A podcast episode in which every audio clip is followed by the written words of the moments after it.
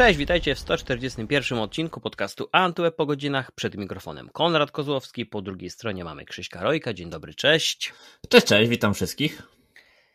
No, zbliża nam się końcówka roku, ale w tym razem zamiast skupiać się na tym, jakie te 12 miesięcy za nami było, a w jakiejś innej sytuacji, w innych okolicznościach, przyglądać się temu, co będzie w przyszłym roku, postanowiliśmy połączyć. Taką rozmowę w jednym, by teraz troszeczkę nie tylko pogdybać, albo tylko narzekać, albo chwalić kogoś, ale właśnie wymieszać wszystkie te nasze odczucia i przeczucia na temat rynku smartfonów bo z jednej strony mam wrażenie, że trochę tutaj to się wszystko zatrzymało i od dwóch, trzech lat nie dostajemy zbyt wielu ciekawych nowości. Firmy trochę drepczą w miejscu. Z drugiej strony są jednak takie podrywy, by coś zupełnie nowego nam zaproponować, ale chyba te nowe trendy nie do końca chcą e, chwycić, chociaż z drugiej strony, gdy spojrzymy na sprzedaży, to wcale nie jest tak źle. No dobra, nie będę na razie przechodził do tych wszystkich szczegółów.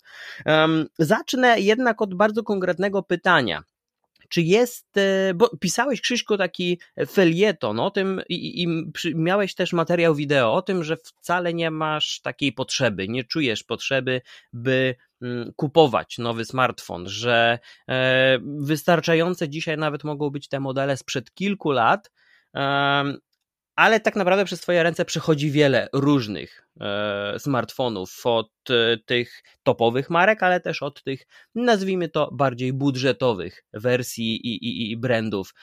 Czy na przestrzeni tych ostatnich 12 miesięcy pojawiło się coś, co zwróciło Twoją uwagę? Czy wśród zapowiedzi na przyszły rok jest coś takiego? Czy w ogóle jest smartfon na rynku, który wzbudza u Ciebie jakiekolwiek emocje? O, o Jezu, to jest, to jest wiele pytań. Jakby zaczynając od, od początku, to tak, faktem jest, że jestem wielkim zwolennikiem używanej elektroniki ogólnie, a w przypadku smartfonów szczególnie, ponieważ przyznam Ci rację, że w ciągu ostatniego czasu, i to już można nawet powiedzieć, że nie tylko ostatniego roku, y, jest y, widoczna taka postępująca mm, stagnacja, jeżeli chodzi o to, co nowe telefony mają nam do zaoferowania. Sam używam smartfona, który mm, został wypuszczony w 2019 roku i nie był to wtedy jakiś wielki, mega super flagowiec, bo jest to LG G8S E, I w dalszym ciągu mm, jest to telefon, który spełnia wszystkie moje potrzeby odnośnie mm, działania smartfona i nie widzę absolutnie żadnej e, przyczyny, dla której miałbym go wymieniać. E, no a jeżeli chodzi o mm, smartfony, które przez moje ręce przewinęły się w tym roku, to niestety, ale w przypadku nowych urządzeń widzę bardzo, bardzo wyraźny trend, który no niestety raczej konsumentom się nie spodoba, ponieważ jest e, na rynku, powiedzmy sobie, taki pewien dualizm, e, jeżeli chodzi o mm, smartfony flagowe i te, tak jak określiłeś, bardziej budżetowe. W przypadku smartfonów flagowych jest to trend na bardzo, bardzo delikatne zmiany, ale niestety te bardzo delikatne zmiany okupione są potężnym wzrostem, jeżeli chodzi o ceny. Najlepszym przykładem jest tutaj seria mm, Z od Samsunga, Galaxy Z Flip i Galaxy Z Fold, y, które y, z roku na rok no, zaliczyły dosłownie minimalny upgrade. Tam zmienił się procesor, oczywiście jest najnowszy mm, Snapdragon. Dostały minimalny upgrade, jeżeli chodzi o aparat główny Y, i y, troszeczkę zostało zmienione oprogramowanie, tak żeby lepiej wykorzystywać fakt, że są to smartfony z rozkładanym ekranem, ale oprócz tego absolutnie nie widać y, niczego, przez co użytkownicy poprzednich modeli, czy nawet modeli sprzed dwóch lat, dlaczego mieliby się przesiadać na, na te nowe smartfony, a cena tych y, nowych urządzeń no, poszybowała niesamowicie w górę. Bazowe modele są droższe o 1000 zł, a te najbardziej, powiedzmy sobie, wyposażone z największą ilością pamięci wewnętrznej, czy yy, największą ilością pamięci RAM, no, kosztują niebotyczne pieniądze. Mówimy tutaj o kwotach rzędu 10 tysięcy złotych za najdroższego folda. Yy, I yy, to jest, to jest to, co widoczne jest w telefonach flagowych, tak? Czyli niewielkie zmiany, ale niesamowicie duży skok, jeżeli chodzi o, o, o kwotę. Natomiast w przypadku telefonów y, budżetowych, czy nawet y, średniej, niskiej półki, no zauważalne jest to, że mm, tam bardzo producenci starają się zbić te ceny maksymalnie, tak naprawdę y, poniżej pewnego, poniżej pewnego psychologicznego pułapu 1000 czy 1200 złotych no i tutaj niestety odbywa się to kosztem, no po prostu, nie bójmy się tego powiedzieć, pogarszania jakości tych smartfonów. Y, wystarczy zobaczyć sobie, jak wyglądał telefon taki jak Realme 7 y, Pro y, sprzed dwóch lat, gdzie ten telefon miał OLEDa, trzy bardzo dobre aparaty, szybkie ładowanie i, i tym podobne funkcje. No i za takie pieniądze, za jakie wtedy otrzymywaliśmy właśnie e, wszystkie te możliwości, e, no teraz tak naprawdę ciężko jest kupić dobry telefon. Miałem niestety w rękach e, nieprzyjemność, miałem niestety nieprzyjemność mieć w rękach telefony za 600-700 zł, które no kiedyś faktycznie były tymi budżetowcami, ale miały zawsze coś takiego, co można było je obronić, że y, faktycznie kosztują mało, ale producent się postarał.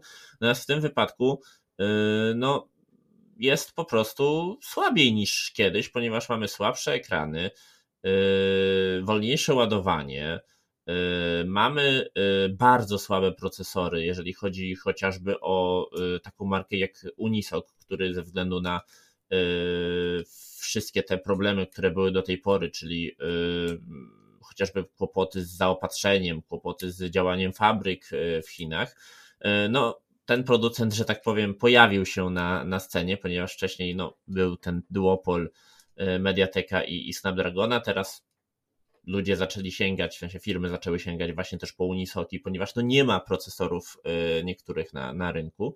No i to w połączeniu właśnie z inflacją, szczególnie w u nas, gdzie ta inflacja jest odczuwalna i jest bardzo wysoka, spowodowało, że za taką samą kwotę, za którą kiedyś e, mogliśmy kupić dobrze działający telefon, dzisiaj już takiej możliwości nie ma. E, I dlatego, jeżeli ktoś pyta się mnie, jaki telefon, załóżmy do 1000 zł, to ja mówię używany, ponieważ używany telefon będzie w każdym aspekcie miażdżył po prostu y, to, co dzisiaj jest do kupienia, jeżeli chodzi o sprzęty nowe. Oczywiście wiadomo, że jeżeli chodzi o używaną elektronikę, no to, to wiąże się z pewnym ryzykiem, no ale niestety żyjemy w takich czasach, że no pod kątem opłacalności jest to ryzyko, które po prostu trzeba podjąć. A ja się właśnie odnośnie tych składanych smartfonów zacząłem w pewnym momencie zastanawiać, bo to jest właśnie taka ta kategoria, która ja sądziłem, że nabierze większej dynamiki. Te, ten brak postępu w Samsungach to był chyba jeden z powodów, e, no bo po ukazaniu się recenzji nagle mm, wyszło na jaw, że tak naprawdę trudno to cokolwiek e, e, więcej wymyślić.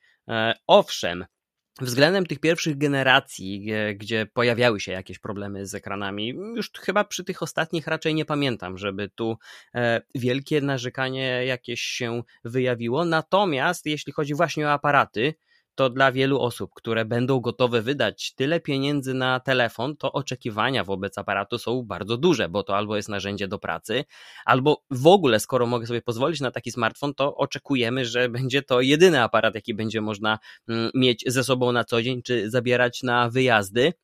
I tutaj tych opinii na temat e, niezadowalających wyników aparatu e, w, i, i przedniego, i tylnego mm, w obydwu składanych Samsungach e, no nie brakowało.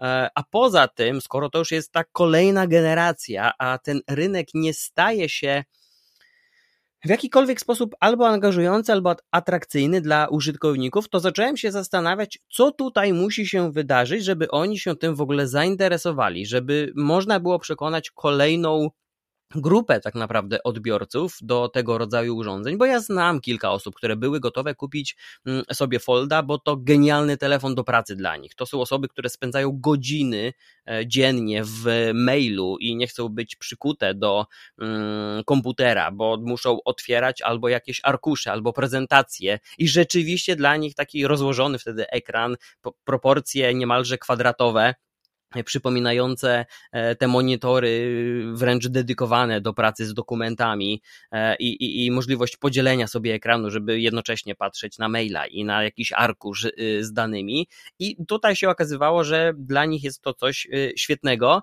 Mm, Flip tak naprawdę to chyba będzie dla bardziej takich designerskich e, osób, no bo też w pewnym momencie aż sam byłem niemalże gotowy spróbować swoich sił z takim telefonem, ale za każdym razem razem powstrzymywał mnie jeden fakt, że kiedykolwiek będę potrzebował coś zrobić e, więcej niż e, sprawdzić godzinę, będę musiał rozłożyć ten telefon, więc zamiast sobie ułatwiać tę codzienność, ja będę ją komplikował.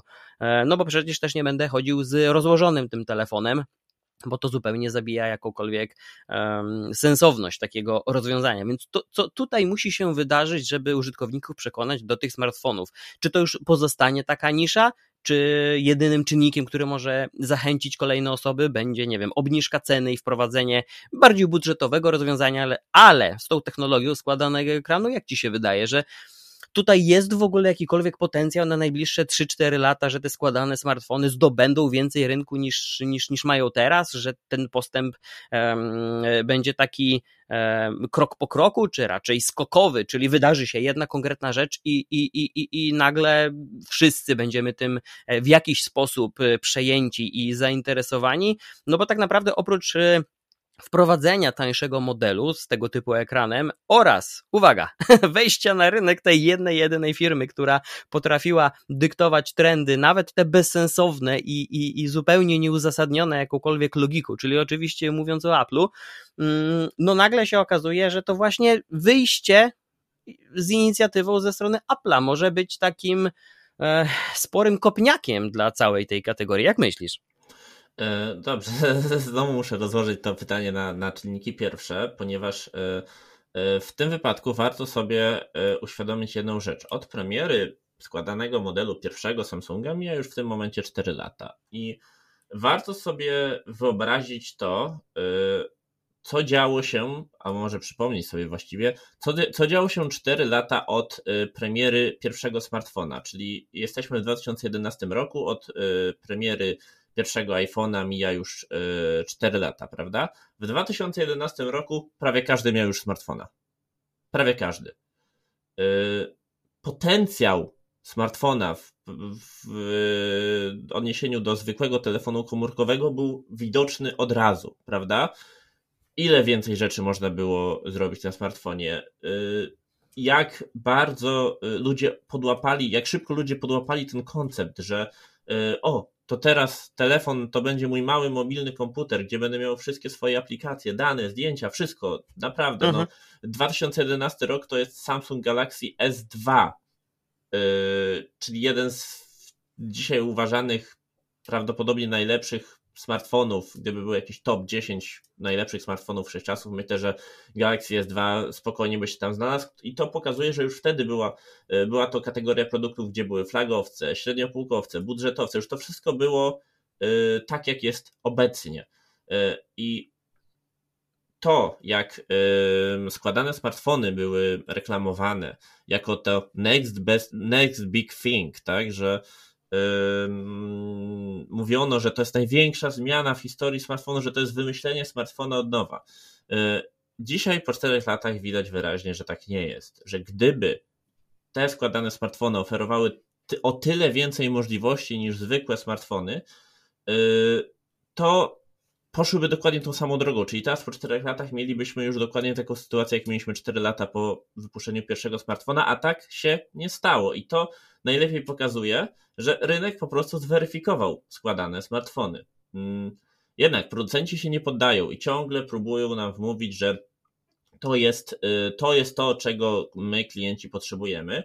Y, no i powiedziałeś o y, jednej bardzo ważnej rzeczy, którą ja też zauważyłem, kiedy recenzowałem chociażby Motorola Razr, tą składaną, mm, że wszystko, co mam do zrobienia na smartfonie, wymaga ode mnie po prostu dodatkowego ruchu. Jest to pierdółka, jest to coś, co y, no, głupio brzmi tak naprawdę. O nie, jak jestem biedny, że muszę ten dodatkowy ruch wykonać, ale tak naprawdę w perspektywie całego dnia robi się to po prostu niewygodne.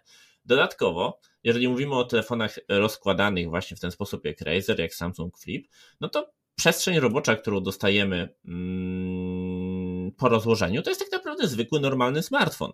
A, a jest to zwykły, normalny smartfon, który ma e, wyższą cenę niż zwykły, normalny smartfon, gorszą baterię, gorsze aparaty, e, jest bardziej podatny na uszkodzenia, chociażby w kontekście wodoszczelności.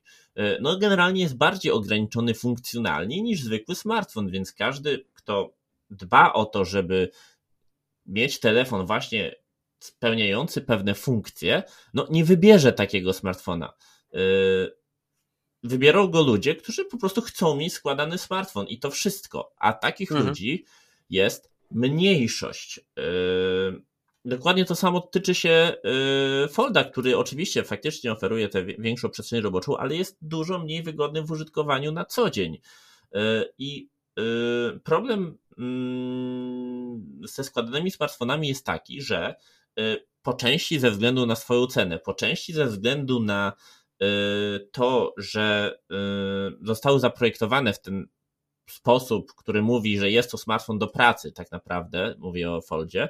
No ile osób korzysta ze smartfonów do edycji dokumentów, czy, czy, czy, czy, czy takiej pracy na co dzień, kiedy mają przed sobą laptopa czy, czy komputer stacjonarny. No oczywiście jest to pewne zastosowanie, tylko ten marketing właśnie zorientowany na, na biznesowe użycie yy, bardzo mocno ograniczył i tak już ograniczoną grupę docelową, więc co musi się stać, żeby mm, żeby składane smartfony odpaliły jako kategoria?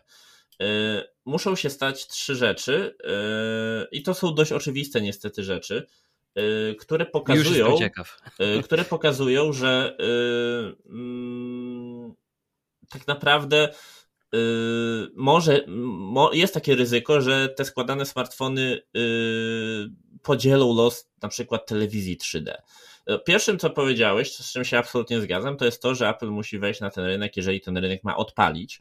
E, ponieważ e, to jest e, trochę. To się jak... robi trochę nudne na tym świecie. To, to, tak, to się robi trochę nudne, ale to też jest mm, po pierwsze siła marki. No nie da się ukryć, że, mhm. że Apple ma, ma bardzo silną markę, ale Apple też jest taką firmą, która ma tę reputację marki, która unika potknięć. To znaczy, jeżeli Apple wprowadza jakąś technologię po latach od jej wymyślenia, no to y, raczej oznacza to, że ta firma wie, co robi, tak? Ona się nie ściga z nikim i to jest to, y, myślę, że jeżeli y, Apple wypuści składany smartfon, no to po pierwsze będzie to smartfon od Apple, więc będzie to oczywiście symbol statusu, tak? Ludzie kupią, żeby się pochwalić, że mają pieniądze. No nie oszukujmy się, tak to działa w Polsce i w wielu innych krajach. Ile taki e, telefon może nich kosztować, skoro teraz można zapłacić po 8, 7 tysięcy? Obstawiałbym, że 20 tysięcy to jest... To jest cena, którą. Nie, naprawdę, no pomyśl sobie, pomyśl sobie, że 4 lata temu bym ci powiedział, że iPhone kosztuje 10 tysięcy. No ja wiem. No, zareagowałbyś wiem. dokładnie tak samo, więc 20 no tak. tysięcy to jest. Im większy jest price cap na takie, na takie urządzenia, tym bardziej będą one pożądane przez ludzi, bo tym bardziej będą pokazywały, że mają takie pieniądze i nie boją się ich wydać. To już e, umowy u operatorów będą na 4 lata niedługo, albo na 5, żeby to spłacić. Nie, jakoś nie widzę tego smartfona u operatorów. Natomiast ten, e, co chciałem jeszcze powiedzieć? A, druga rzecz to jest mhm. E, to, że ten rynek musi zostać bardziej zdywersyfikowany. Myślę, że tutaj też to jest coś, co bardzo dobrze pokazuje, gdzie smartfony składane są obecnie. Mamy Samsungi składane, ale mam też składane Xiaomi, Vivo, Oppo y, i jeszcze pewnie kilka firm, których nazwę nie potrafię wymówić. Y, I te wszystkie firmy, one mają te składane smartfony, ale mają je w Chinach. Pytanie, dlaczego, dlaczego nie przeniosą ich do Europy? No, po pierwsze, dlatego, że one bardzo dobrze wiedzą, jak malutki jest rynek europejski na składaki i że te działania marketingowe, jakieś potężne kampanie marketingowe im się po prostu nie zwrócą yy, w kontekście yy, tego telefonu. Po drugie, są to telefony wciąż drogie, nawet u nich są to telefony drogie i yy, jeżeli marka chce mieć takie wrażenie wśród konsumentów, że jest marką przystępną cenowo, to nie będzie wprowadzała bardzo drogiego smartfona do oferty, bo po pierwsze nikt go nie kupi, a po drugie może to naruszyć wizerunek marki. No i po trzecie, no, słaba sprzedaż będzie no, kosztowała tak naprawdę te osoby, które się na nią zdecydowały, nie wiem, stanowisko, posadę, cokolwiek, tak? W sensie tych ludzi, którzy są decyzyjni w Xiaomi czy w Oppo. No po prostu te marki się boją wprowadzać te smartfony na rynek, bo boją się tego, jak będą odbierane. No tutaj mogłoby, mogłoby pomóc zbicie ceny, tak? Mogłoby pomóc to, że pojawi się tani składak, który, który byłby rynkowym hitem od razu, tak? Z samego faktu, że jest tanim składakiem. Natomiast trend jest odwrotny. Samsung podnosi ceny y, i y, no podejrzewam, że y, patrząc na to, jak na przykład wyceniane są tradycyjne smartfony takich marek jak Xiaomi czy Oppo, mówię o tych superflagowych modelach, mm. bo one dobrze oddają to, jak wyceniany byłby składak, no to tutaj ceny też rosną, więc zakładam, że chińskie smartfony składane również byłyby drogie i droższe z roku na rok, a to też nie jest jakby yy, komunikat, który te marki chcą wypuścić w świat, więc yy, generalnie moim zdaniem jest tak, że ze względu na naszą sytuację ekonomiczną jak mówię o całej Europie i kryzysie, no to nie działa na korzyść taniego składanego smartfona, E, I to też jakby pokazuje, że raczej nie ma co liczyć na to, że ta kategoria odpali w przyszłości, w najbliższej. I trzecią rzeczą, którą e, składane smartfony muszą zrobić, żeby były, jakby, żeby po prostu, żeby kategoria produktów się e, zaczęła sprzedawać, to jest przede wszystkim pokazanie, do czego one mogą być faktycznie wykorzystywane. Chodzi mi o to, że, żeby fakt ich składania był tylko jakby dodatkiem do ceny, że to jest fajny smartfon, można z nim zrobić to, to, to, a dodatkowo jeszcze się składa. Ponieważ no w tym momencie kupujemy składaki, bo się składają i nie za bardzo wiemy, co z tym zrobić tak? No tak jakby, mhm. okej, okay, powiedziałeś, że można y, przeczytać y, jednocześnie maila i, i, edytować tekst, no to jest bardzo fajna funkcja dla całej dwójki ludzi, którzy z niej faktycznie na co dzień będą korzystać, a cała reszta będzie sobie oglądała film na Netflixie y, na kwadratowym ekranie z wielkimi paskami u góry i u dołu, nie zauważając, że jakby mieli tradycyjny smartfon w aspekcie 2 y, na 1, to ten film miałby taką samą wielkość, tylko nie mieliby tych pasków u góry i u dołu. Rozumiesz o co mi chodzi? Tak, tak. Że casualowe wykorzystanie tych składanych smartfonów jest yy, póki co mizerne i mam wrażenie, że nawet Samsung y, ze swoimi reklamami, który y, naśmiewa się z Apple, że Apple nie ma składanego smartfona, a Samsung ma, sam nie do końca wie, co z tym składanym smartfonem ma zrobić i y, co on tak naprawdę daje tym, daje tym użytkownikom. Jeżeli chodzi o przyszłość, no to sądzę, że w końcu finalnie kiedyś te chińskie marki wejdą, wejdą do Polski, wejdą do Europy mm, i myślę, że będą nieco tańsze niż Samsung, chociażby na początku, nawet operując na stracie, żeby tylko zyskać jakiś tam fragment tego rynku, ale y, po czterech latach jestem, no jakby inaczej, przy starcie składaków byłem sceptycznie nastawiony do, do ich sukcesu, a teraz po prostu no, mam wrażenie, że to idzie bardziej w ten y, w tę kwestię taką jak szły telewizory 3D, wspomniane już przeze mnie, że jest to technologia, która ma potencjał, no wciąż są kina 3D, prawda, mm, jakieś IMAXy. I ludzie sobie to chwalą. Y, i tam to jest fajne, ale w momencie, w którym ktoś to spróbował sprowadzić do salonu, to przestawało działać.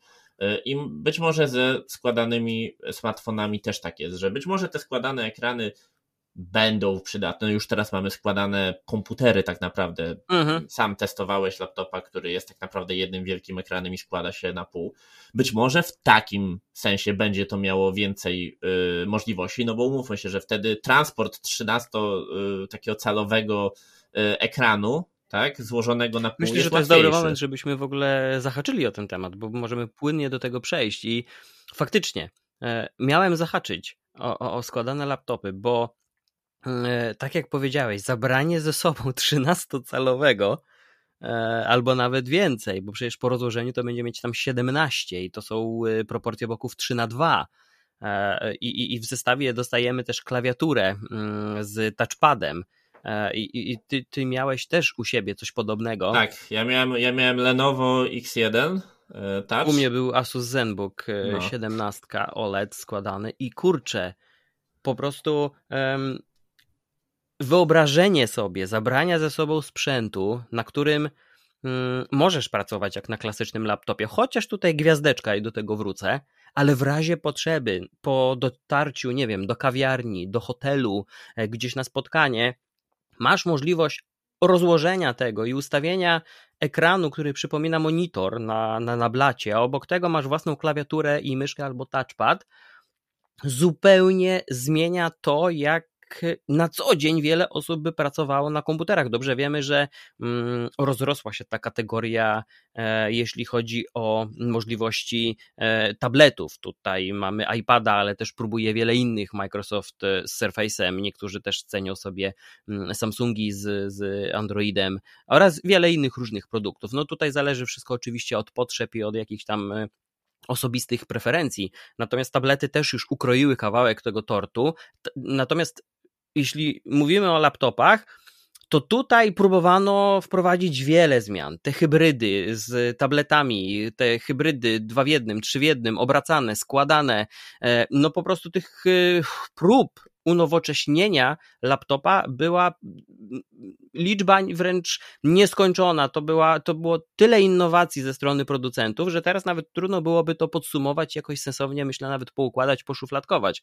Natomiast biorąc do ręki taki sprzęt, nareszcie jakaś taka iskierka nadziei i, i mm, też przekonania, że nareszcie coś ciekawego, coś nowego, coś, co faktycznie wpływa na e, moją codzienną pracę z laptopem, na takim głównym narzędziu do pracy. Rzeczywiście pojawia się coś, co ma efektywny wpływ, taki namacalny. Natomiast tutaj, nie wiem jak w przypadku Twojego sprzętu, natomiast w przypadku Asusa największym problemem była jednak no, jeszcze ten okres taki dziecięcy samej technologii, czyli to, jak ten sprzęt był e, masywny, jak on był jeszcze taki, e, no, e, niedopracowany w kontekście takim, że to nie jest już ten moment, kiedy szlifujemy ten kawałek technologii, by on ładnie wyglądał, był lekki i mm, sprawiał też takie przyjemne wrażenie dla oczu, ale to jest ta jedna z pierwszych w ogóle generacji czyli mamy do czynienia z klockiem, a nie laptopem po złożeniu, a w ogóle jak już tutaj w środku umieścimy tą odczepianą klawiaturę zasłaniającą połówkę ekranu,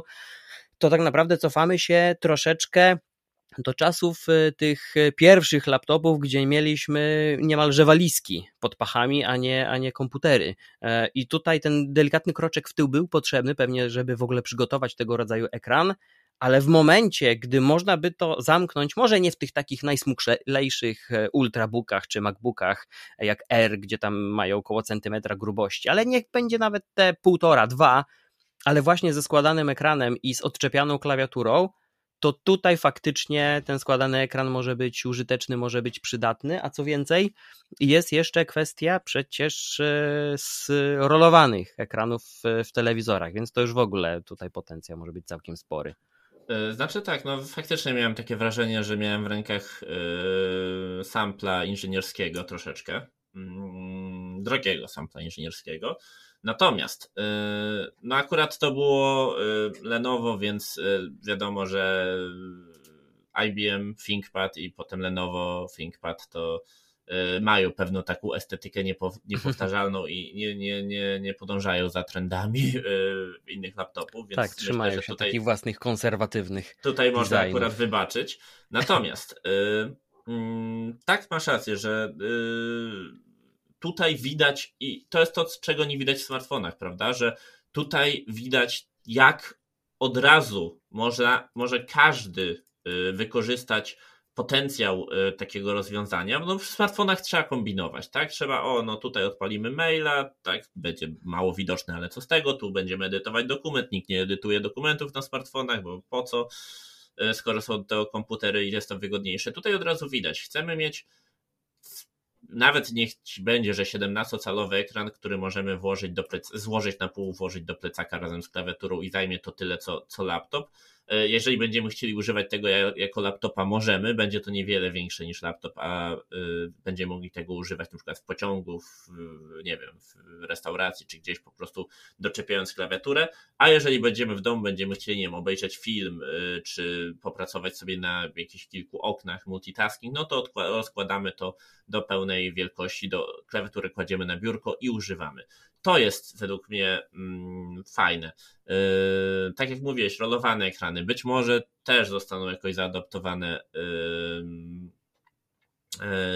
w komputerach, czy w tabletach, czy gdziekolwiek. No i właśnie myślę, że to jest najfajniejsze w obserwowaniu rozwoju technologii. Niestety żyjemy w takich czasach, że uważamy, że wszystko jest wszędzie potrzebne, że jeżeli tylko zadebiutuje jakaś nowa technologia, to musimy ją wykorzystywać wszędzie i nie, nie, nie przyjmujemy do wiadomości, że w jakimś momencie, w jakimś miejscu to się nie sprawdza. Ja nie mam absolutnie z tym problemu. Co prawda zaczęliśmy właśnie od smartfonów, E, jeżeli chodzi o składane ekrany, no bo wiadomo, łatwiej jest wyprodukować mały składany ekran i zamontować go w urządzeniu małym w taki sposób, żeby on był bezpieczny, w sensie, żeby się nie zniszczył, żeby nic tam się nie dostało. Trudniej jest to zrobić w dużym urządzeniu, dlatego najpierw mieliśmy składane telefony, teraz mamy składane komputery i nie mam z tym absolutnie problemu, żebyśmy na pewnym etapie rzeczywistości doszli do wniosku, że mm, nie, jednak te składane ekrany w, tych w telefonach to się nie sprawdzają, nie, ale w komputerach to jest naprawdę fajne. No i żebyśmy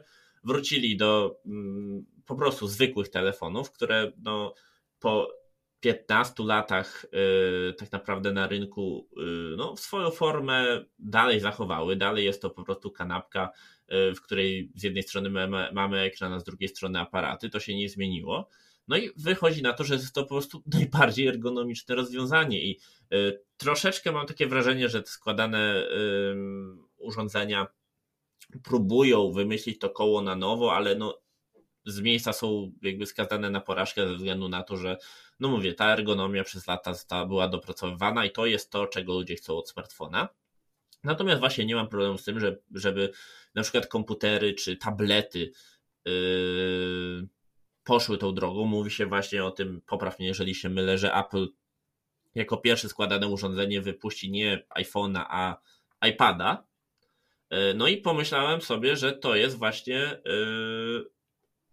jeden z takich, z takich momentów, gdzie faktycznie Apple może spełnić mhm. ten swój, ten swój, to swoje marzenie, że iPad to będzie tak naprawdę nowy, nowy komputer, no bo w, złożonej na wiesz 90 stopni formie mamy iPada z klawiaturą na nim, gdzie możemy pisać, nie wiem, mm, przeglądać sieć i tak dalej, a w formie rozłożonej możemy, nie wiem, rysować czy czy, mm, czy oglądać jakiś materiał na, na dużym ekranie, a to wszystko w, w poręcznej formie, którą można włożyć do torebki czy, czy gdzieś, no bo na tabletach nie ma tak jak na telefonach, że musi mieć ten zewnętrzny wyświetlacz, ponieważ kiedy używamy tabletu, no to raczej używamy go w tej pełnej formie, prawda? Nie ma takiej, że potrzebujemy szybko wyjąć tablet, żeby coś sprawić albo gdzieś zadzwonić. Y, więc jestem bardzo ciekawy, w jaki sposób Apple pójdzie z tą technologią, no bo to mm, myślę, że y, będzie w jakiś sposób przemyślane, że to będzie pokazywało kierunek, y, będzie miało jakieś zastosowanie. To jest akurat fajne w Apple, że zawsze, jeżeli jest jakaś funkcja, to od razu pokazuje się jej y, praktyczne zastosowanie. Jest to najczęściej zastosowanie praktyczne, praktyczne, a nie wymyślone praktyczne. Yy, no, jedynym wyjątkiem był tutaj Touchbar, który nie miał mhm. pra- praktycznego zastosowania, no ale ten został dość szybko wyrzucony na śmietnik historii. Yy, I no, jest jednym z tych wyjątków, yy, gdzie Apple faktycznie troszeczkę chyba nie przemyślało tego, no ale to też pokazuje, że jeżeli tych wyjątków jest tak mało, to, to w przypadku składanych ekranów raczej będą wiedzieli, co robią. Tak, i tutaj, gdy mówiłeś o tym składanym iPadzie, to mi od razu do głowy przyszły dwa projekty Microsoftu, czyli Project Courier, który miał być, Jezu, to już będzie chyba, nie wiem, 10 lat od pierwszych przecieków, może nawet więcej. Aż z ciekawości wpiszę, bo to chyba Engadget jako pierwszy puścił mm, takiego newsa. Eee, I to pamiętam, że właśnie miał być składany tablet od Microsoftu 2010, no to czyli prawie 13 lat. E, to miał być właśnie składany tablet z dwoma ekranami. Co prawda nie był to jeden ekran e, zginający się na pół, ale dwa ekrany i to miała być właśnie ta namiastka takiego cyfrowego notatnika, kalendarza, e, już systemu, który też przypominałby trochę laptopa, zastępowałby go pod pewnym względem, ale też mm, mógłby wcielać się wiele innych e, akcesoriów, e, gadżetów i, i, i wszystkich mm, no, takich codziennych narzędzi, z których korzystamy. Była też przecież próba wskrzeszenia niemalże tego projektu, gdy mówiliśmy o Surface Neo, i to tak naprawdę był mm, o większych rozmiarach e, smartfon, e, który też Microsoft e, przygotował. I też się wielokrotnie zastanawiałem, czy właśnie to, to odkładanie w czasie wkroczenia na ten rynek nie jest najlepszą z decyzji, jakie może podejmować w tym momencie Microsoft, Apple, bo gdy weźmiemy pod uwagę to, co się dzieje z rynkiem, a na pewno to bardzo, bardzo blisko obserwują, z rynkiem smartfonów ze składanymi ekranami, okazuje się, że tutaj trudno będzie cokolwiek nowego za, za, zaoferować, a też Apple wtedy wzięłoby sobie na barki przeorganizowanie albo wręcz przeprojektowanie działania iOS-a, bo ja sobie nie wyobrażam, że na tak dużym ekranie, um, szczególnie o proporcjach prawie 4 na 3 jak w Foldzie, um, że tam też miałby działać iOS tak samo jak na zwykłym iPhone'ie, bo wszystkie te gesty e, nawigacyjne jednak w dużej mierze polegają na na takiej, a nie innej proporcji i rozmiarach e, ekranów w obecnie sprzedawanych modelach. E, I owszem, można się tutaj e, będzie spierać, że w, na przykład w Pro Maxie i w Plusie najnowszym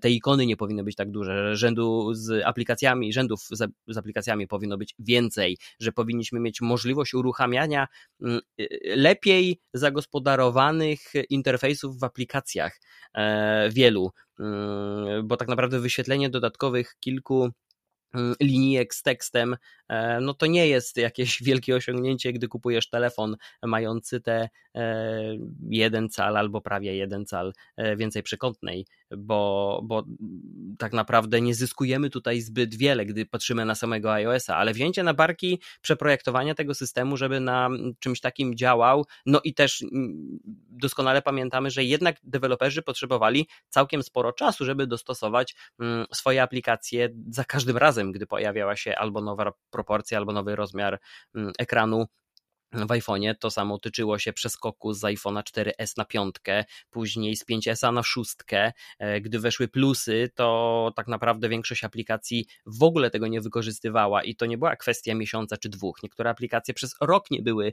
zaktualizowane e, i przy zmianie mm, sposobu nawigacji, czyli pozbyciu się przycisku domowego i już e, skupienia się na mm, tych gestach nawigacyjnych, no tutaj też bywały problemy więc y, no tutaj to takie by było trochę na siłę Apple szłoby pod górkę, żeby cokolwiek próbować udowodnić, tak jak powiedziałeś, wepchnąć wręcz użytkownikom mm, e, jakąś nowinkę, która no, w przypadku Apple'a mogłaby być niemałym rykoszetem, bo jeżeli coś by się nie przyjęło, to dobrze wiemy, że Apple potrafi bardzo szybko zwinąć żagle. E, tak było w przypadku, nie wiem, Maca Pro, ten e, o kształcie, rozmiarach śmietniczka. No po prostu ten komputer momentalnie został z tej oferty później wycofany, zastąpiony zupełnie czymś innym. Jeśli chodzi o iPhone mini, to już w momencie po prostu rozpoczęcia produkcji 13 mini Apple nie miało możliwości wycofania się z tej decyzji, ale kiedy sprzedaż 12 mini e, na przestrzeni tego tam półrocza czy, czy trzech kwartałów była delikatnie mówiąc niezadowalająca, e, no to już przy 14 nie mieliśmy miniacza i przy 15 też go nie będziemy mieć, więc widać, że nie, nie idą na siłę, by zadowalać jakieś niewielkie grupy klientów, które mogą się na coś decydować, a na coś nie. Gdy spojrzymy na, na, na produkty, które można by określić mianem hobby, to e, chyba tylko Apple TV jeszcze będzie czymś takim, które tak naprawdę od początku było określane właśnie przez Steve'a Jobsa, że to jest hobby dla tej firmy. To, to, to nie mamy mm, żadnych wielkich e, mm, ambicji ani celu do osiągnięcia, szczególnie sprzedażowego. Po prostu przygotowujemy to, bo, bo możemy i gdy dzisiaj pewnie spojrzymy na jakieś, jakieś sprawozdania finansowe, to Apple TV na pewno nie będzie jednym z największych mm, przychodów, nawet w tej, tej jakiejś, nie wiem, pierwszej piątce, czy, czy, czy, czy, czy siódemce, czy ósemce. To, to, to sprzęt jest zupełnie niszowy, skierowany do wąskiej, konkretnej i świadomej grupy odbiorców. A co więcej, mm, patrząc na iPada, który mógłby zyskać po prostu większy ekran, tylko składany na pół, to tutaj rozwiązanie byłoby bardzo proste, bo no przecież Apple już ma w ofercie 12,9 e, cala przekątnej. E, tak wielki iPad mm, e, działa sobie spokojnie pod kontrolą iPad OS-a. Gdy złożysz go na pół, to, to, to wiadomo, nie będziesz już z niego korzystać, więc rozciągnięcie tego na jeszcze większy ekran jaki byłby w tym problem. Więc tak, tu, tu masz rację i dobrze, że o tym wspomniałeś, bo, bo patrząc na takie rozwiązanie jest o wiele bardziej sensowne i, i z korzyścią dla użytkownika.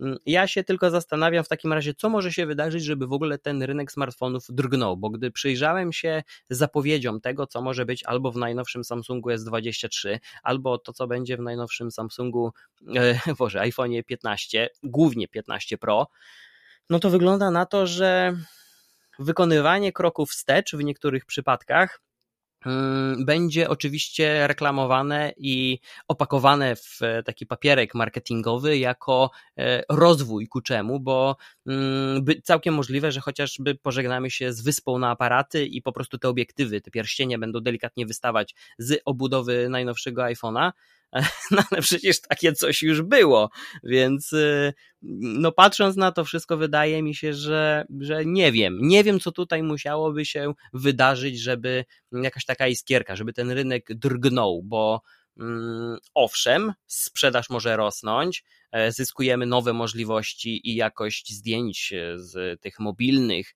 urządzeń jest e, co roku mm, naprawdę, naprawdę tutaj ten, ten postęp jest gigantyczny i niektórzy mają braki tu, niektórzy mają braki tam, więc nadrabianie tego wszystkiego w poszczególnych obszarach, czy przez Samsunga, czy przez Apple, czy przez Google, mm, no bez problemu tutaj można wskazać, gdzie są problemy u każdego z nich, no ale osiągnięcie jakiegoś już odpowiedniego pułapu E, czy pod względem aparatu, czy wydajności, czy innych rzeczy, e, no to, to, to tak naprawdę nie widać tutaj żadnych zachwytów. Nie wiem, czy, czy dostrzegasz chociażby jedną rzecz, która potrafiłaby nas e, trochę ruszyć do przodu z tym wszystkim? Problem z mm, smartfonami i generalnie z tym, co rusza ludzi jako całość, nie mówię tutaj o tej wąskiej grupie, która się faktycznie tym interesuje, no to jest problem widoczności zmian z generacji na generację. E, w momencie, w którym mówisz o y, zmianach w aparatach, no to te zmiany w ostatnim czasie są przecież kolosalne. No z jednej strony mieliśmy y, premierę y, już jakiś czas temu, ponad rok temu Sony Pro Eye, a w ostatnim czasie Xiaomi 12 mm, Ultra, które 12S Ultra, e, które mm, miały matrycę mm, o przekątnej jednego cala, matrycę światłoczułą, czyli no, gigantyczne zwiększenie jakby tego, co do tej pory było oferowane w, w smartfonach i jest to w ogóle matryca wzięta z y, klasycznego y, aparatu takiego kompaktowego, a z drugiej strony mieliśmy przecież y, premierę obiektywu od Samsunga, który ma 200 megapikseli. E, I no, to są duże zmiany, prawda? No, myślę, no, z jednej strony zwiększenie y, wspomnianej matrycy, czyli to, ile światła jest w stanie jakby ten sensor wychwycić, a z drugiej strony zwiększenie tych szczegółów, które, y, które, które aparat jest w stanie zarejestrować. No tylko, że to wszystko złożyło się na to, że na rynku nie zmieniło się praktycznie nic Dlaczego? Ponieważ yy, no oprócz tego, że akurat te, te jedno, jednocalowe yy, matryce były, te smartfony były po prostu piekielnie drogie, szczególnie Sony. Yy, więc to jest powiedzmy sobie takie coś, co no nie rozeszło się jeszcze, to jest jeszcze na tyle nowość, że dopiero powiedzmy sobie będzie implementowane pewnie w kolejnych modelach w przyszłym roku. Natomiast testo, testy chociażby tych 200 megapikselowych matryc pokazują, że dla takiego przeciętnego użytkownika to za dużej różnicy tak naprawdę nie ma. I to jest ten problem, że fajnie jest, że smartfony się rozwijają, mamy coraz większe baterie, coraz, znaczy, no akurat baterie to mamy już większe od jakiegoś czasu, ale mamy coraz większe matryce, coraz E, szybsze ładowanie. No i chociażby z tym szybkim ładowaniem, prawda? Kiedyś pomyślenie, o matko, 40 watów, ile to jest, jak szybko mi się ten telefon naładuje. Potem przyszło 60 watów, 100, 120 i w tym momencie jest 180. Tyle, że różnica pomiędzy 5-watowym ładowaniem a 10-watowym ładowaniem to był przeskok rzędu no 100%, tak? Ten telefon się ładował dwa razy szybciej. Natomiast pomiędzy 150 a 180 nie ma już praktycznie żadnej różnicy dla końcowego konsumenta, bo telefon ok, naładuje się szybko, ale on się będzie ładował szybko tylko i wyłącznie w momencie, w którym będzie całkowicie rozładowany, a nawet od całkowitego rozładowania yy, różnica pomiędzy yy, załóżmy 120 a 180, 180 watami to jest jakieś 3-4 minuty. Yy, a to wszystko yy, objawia się mega nagrzewaniem się ładowarki i telefonu, większym zużyciem baterii w czasie, w sensie szybszym zużyciem baterii w czasie, yy, większym ryzykiem no chociażby samozapłonu, tak, no bo wiadomo, że ciepło plus bateria to nie jest coś, co idzie ze sobą w parze. No oczywiście jest to coś, co na pewno producenci wzięli pod uwagę i nie wypuściliby tego na rynek gdyby to było niebezpieczne, więc nie chcę tutaj absolutnie nikogo zniechęcać do kupowania takich smartfonów, co to, to nie. Natomiast chodzi mi o to, że y, to wszystko y, są pewne, nie wiem, problemy, tak? W sensie albo potencjalne niebezpieczeństwa, które dają nam w praktyce nic, bo mało kto ładuje telefon od zera, bo mało kto pozwala, żeby telefon mu się rozładował, tak? Więc jakby czy weźmiesz 120 y, watów czy 180, no to od tych załóżmy 20% naładowania baterii do końca, on będzie się ładował z taką samą prędkością i nie odczujesz tej różnicy.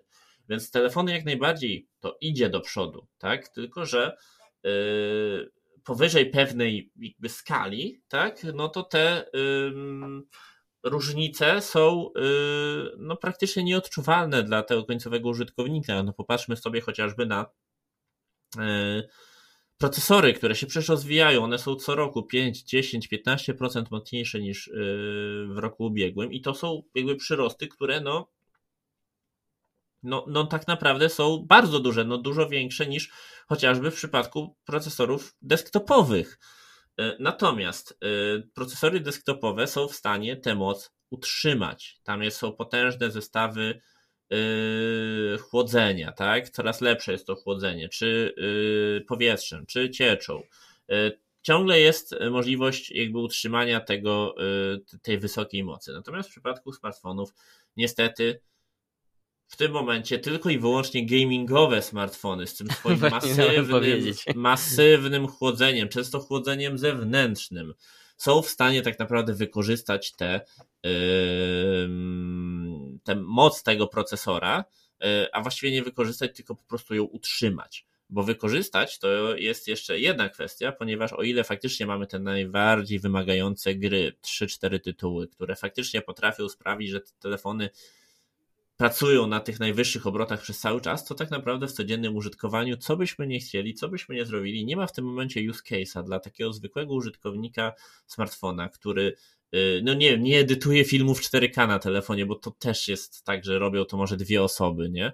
Ale dla takiego zwykłego użytkownika, który idzie i kupuje telefon u operatora, nie ma takiego use case'a, który by sprawił, że te, y, telefon by się chociażby zakrztusił, więc y, Podsumowując, tak, y, w tym momencie mamy dużo zmian, bo mamy szybsze procesory, szybsze ładowanie, y, wydajniejsze, znaczy lepsze aparaty z generacji na generację, no nie chcę powiedzieć wydajniejsze, ale po prostu no jakby efektywniejsze. Mamy coraz lepsze oprogramowanie, które y, wyciąga coraz więcej informacji z tego, co zarejestruje matryca. No to też bardzo poszło do przodu i to widać szczególnie w zdjęciach nocnych, które E, no mój telefon sprzed trzech lat versus dzisiejsze budżetowce, no to jest akurat różnica, która jest widoczna, tak? To w oprogramowaniu. I to są wszystko te rzeczy, które no nie powiesz, że to nie są duże zmiany, prawda? Że nie widać różnicy na papierze przynajmniej w, pomiędzy tegorocznymi a tegorocznymi smartfonami a smartfonami sprzed trzech lat, tylko co w związku z tym, skoro taki przeciętny użytkownik, no, może dostrzeże jedną rzecz, że lepsze zdjęcia w nocy, a tak wątpię, żeby, y, żeby rzuciło się w oczy y, ludziom to, że, y, to, że te nowe smartfony są faktycznie lepsze. I co, co z tego wynika? Otóż wynika z tego fakt, że ludzie mają coraz mniejszą chęć zmiany tego smartfona, ponieważ nie czują, że ten nowy jest im potrzebny. I mm, Oczywiście nie dotyczy to iPhone'ów, bo no, iPhony zawsze się sprzedadzą, bo ludzie chcą mieć nowe gadżety. Natomiast yy, natomiast yy, producenci też to zauważają i to jest akurat bardzo pozytywny trend, że firmy w tym momencie yy, zaczynają iść w stronę y, coraz dłuższego wsparcia wypuszczonych już na rynek modeli. Co prawda jest to dalej kulejące, dalej są firmy, które oferują, nie wiem, jedną aktualizację albo nawet zero, co jest do, no nie mam słów na to yy, i na takie firmy. Natomiast w tym momencie i Samsung, i Oppo, no oczywiście Google, tak, no oferują już na przykład 4 lata nowych Androidów yy, i gdzieś tam się powoli zbliżają do tego, co yy, ze swoimi telefonami robi na przykład Apple. I to jest myślę bardzo fajne i myślę, że też nie ma nic z tym złego. Nie ma nic z tym złego, że telefony po prostu zaczynają ludziom odpowiadać tak bardzo, że nie czują potrzeby po dwóch latach zmiany e, tego modelu na nowszy. Jest to dobre dla portfela, dla planety, e, dla e, też tak naprawdę myślę, że samych konsumentów, ponieważ nie będą musieli się, nie wiem, martwić, jaki telefon kupić następny, no bo umówmy się, że przeciętny konsument to myśli o nowym telefonie, jak ma go zmienić, a nie na co dzień. Pewnie. E, I, I to jest myślę bardzo fajne i ja absolutnie nie mam żadnych problemów z tym, że telefony stają się nudne i, i, i że e, z roku na rok nie ma potrzeby tej zmiany. Ja byłbym perfekcyjnie happy, gdyby się okazało, że za chwilę trzeba będzie wymieniać telefon co 10 lat, tak? No bo to jest, e, to pokazuje, że ten telefon jest po prostu dobry. No w, tym momencie tak, telefon że osiągnięto to... taki poziom, który tak, ten telefon zadowalający. Dzisiaj, ile kosztuje dzisiaj pralka? Nie mam pojęcia, w tym momencie nie jestem w stanie powiedzieć, ile, ile kosztuje pralka, taka dobra pralka, nie? Załóżmy, nie wiem, 4 tysiące? No za, dobra, no strzelmy 4. 4 tysiące. Wyobraź sobie, że co dwa lata masz pralkę wymieniać. No przecież to jest jakiś absurd, prawda? Nie?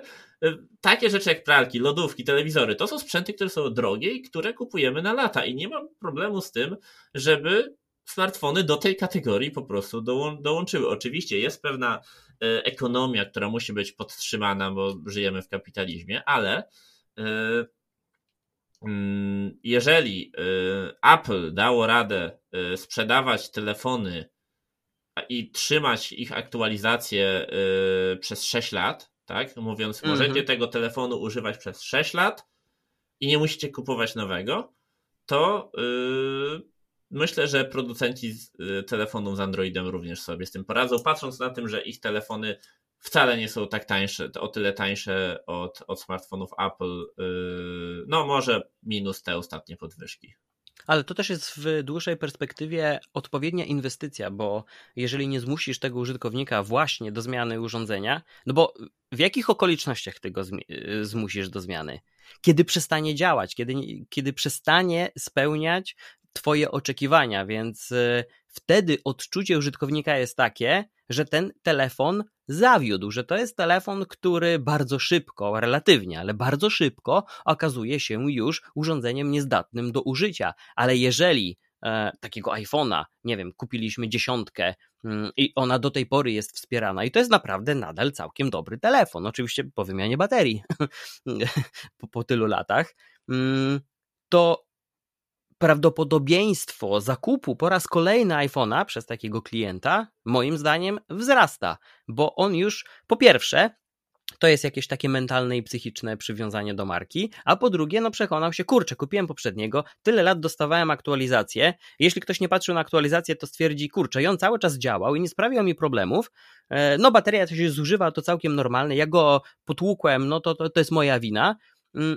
i tak naprawdę z takiej sytuacji trudno wybrnąć jakimkolwiek argumentem, który miałby przemawiać za zmianą telefonu na inny, a tym bardziej innego producenta, no poza oczywiście jakimiś własnymi preferencjami, kiedy komuś to jak działa iOS nie będzie odpowiadało, bo wiadomo, że tutaj tych, tych braków to, trochę jest, więc no wydaje mi się, że pomysł na to jest ich całkiem niezły, E, I też wydaje mi się, że teraz jak tak rozglądam się po, po, po ludziach dookoła, tych bliższych i tych e, e, bardziej odległych znajomych, to rzeczywiście ta potrzeba zmiany telefonu gdzieś zaniknęła mm, tak często. Z drugiej strony też wydaje mi się, że coraz częściej, coraz więcej osób wybiera droższe modele, też postrzegając to jako jakąś taką inwestycję. E, teraz już raczej mało kto będzie się decydował, mm, o ile sobie może pozwolić, ale w większości, jeżeli sobie może pozwolić, to zakup takiego telefonu właśnie za 600 e, zł czy 1000 e, tylko po to, żeby podziałał przez te pół roku czy przez rok. No mało kto już się na to decyduje, bo też to przejście z urządzenia na kolejne urządzenie jest o wiele trudniejsze niż kiedyś. Teraz to jest nasz mały taki podręczny komputer, przyjaciel, z którego korzystamy. Mm, spójrzmy na na to, jak szeroki wachlarz jest w ogóle usług, na których polegamy wewnątrz smartfona. Zamawiamy jedzenie, zamawiamy zakupy, zamawiamy taksówkę, wszystko w aplikacjach, robimy zakupy, przeglądamy informacje, pozostajemy ze znajomymi. I to nie na zasadzie jak kiedyś telefonu e, czy SMS-ów co jakiś czas, tylko na Messengerze, na Telegramie, na Whatsappie niektórzy piszą godzinami dziennie albo kilkanaście godzin dziennie. I to jest urządzenie, którego my nie chcemy tak zmienić często jak kiedyś. I, i myślę, że tych czynników tylko przybywa. Mm, wszystkie te, o których ty wspomniałeś, plus jeszcze te, które ja wymieniłem teraz, Dlatego może też producenci zauważają, że wcale nie trzeba tak dużych zmian robić, tylko takie nieduże kroczki będziemy stawiać i dawać powody kolejne do, do, do zmiany telefonu dla kogoś po czterech, po pięciu czy po e, nie wiem, trzech latach. E, zgodzę też się z Tobą odnośnie aparatów, bo E, jeszcze do pewnego momentu ja pozostałem w takim cyklu 3-4-letnim e, w przypadku iPhone'a. I oczywiście tam też e, ten rozwój aparatów był zauważalny, ale nie był tak duży jak w ostatnich latach, bo gdy porównamy sobie szóstkę, nie wiem, 6S z siódemką, albo siódemkę z ósemką, chociaż pamiętam, że dziesiątka była jednocześnie pokazana, no to trudno tam było się doszukać jakiegokolwiek powodu, żeby ten telefon zmienić, ale teraz, gdy porównamy sobie 11 Pro z 12 Pro, to różnica była naprawdę zauważalna. 12 Pro a 13 Pro jeszcze większa.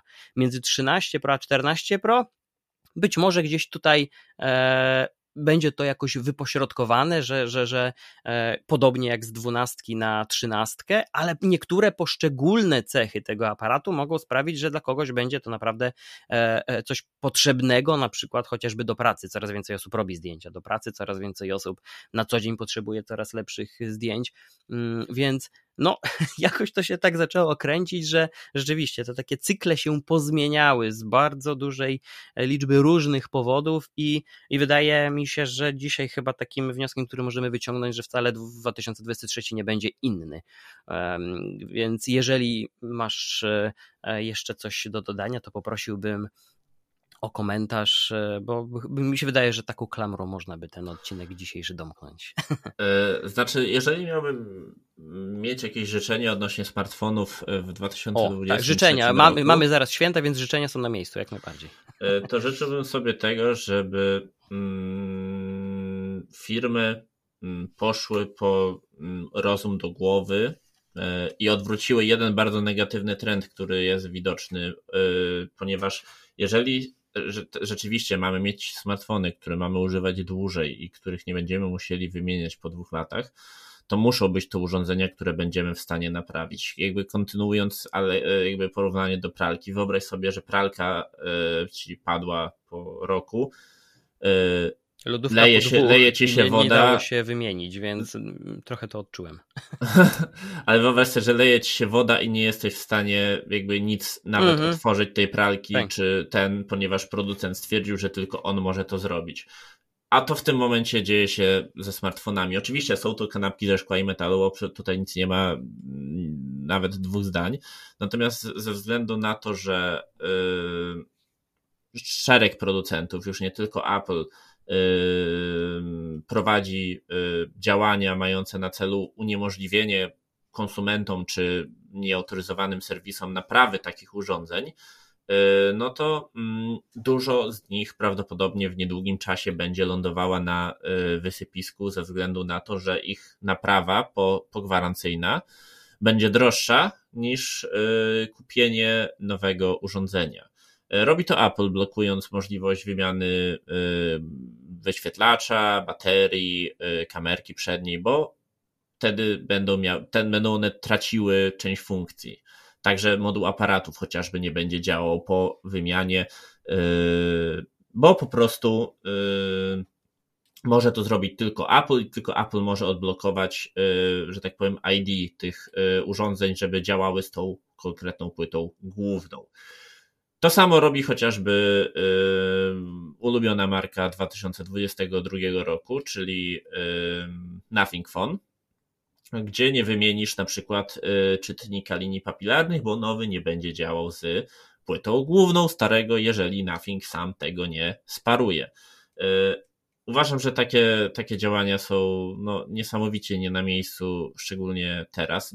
Dobrze, że y, chociażby y, Apple y, i Samsung wdrożyły programy samodzielnej naprawy y, urządzeń, chociaż patrząc na ceny, no jest to niewiele tańsze niż e, oddanie tego po prostu do, do serwisu Apple i w dalszym ciągu wymaga to, wymaga to wspomnianego zwrócenia się do Apple o mm, sparowanie tych elementów, które, które się dostało, bo oczywiście ta naprawa działa tylko z częściami, które się kupiło u Apple, więc dalej nie jest to rozwiązanie idealne, ale e, jeżeli miałbym sobie coś życzyć, to chciałbym być może nie kolejnych Fairfonów, chociaż firma jest bardzo fajna, ale żeby y, marki poszły po, po rozum do głowy i zobaczyły, że y, danie możliwości naprawy y, swoich smartfonów użytkownikom nie sprawi, że nie wiem, ucierpi reputacja marki, czy jakie tam jeszcze argumenty są przytaczane czy też, że w ogóle będzie to jakiś y, problem, jeżeli chodzi o bezpieczeństwo użytkowników. No, jakby z drugiej strony mamy właśnie Fairphona, który pozwala y, wymienić każdą część w telefonie y, użytkownikowi samemu, bez nawet użycia śrubokręta czasami.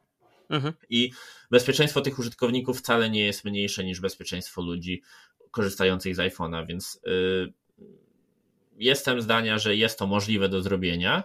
E, I mam e, szczerą nadzieję, że kiedy producentom już skończą się megapiksele, miliamperogodziny, waty i co jeszcze, na co jeszcze tam się ścigają, to że zaczną się ścigać na to, że ich telefony można łatwo i bezproblemowo naprawić i że to będzie jeden z tych punktów, które będą przyciągały klientów do sklepów.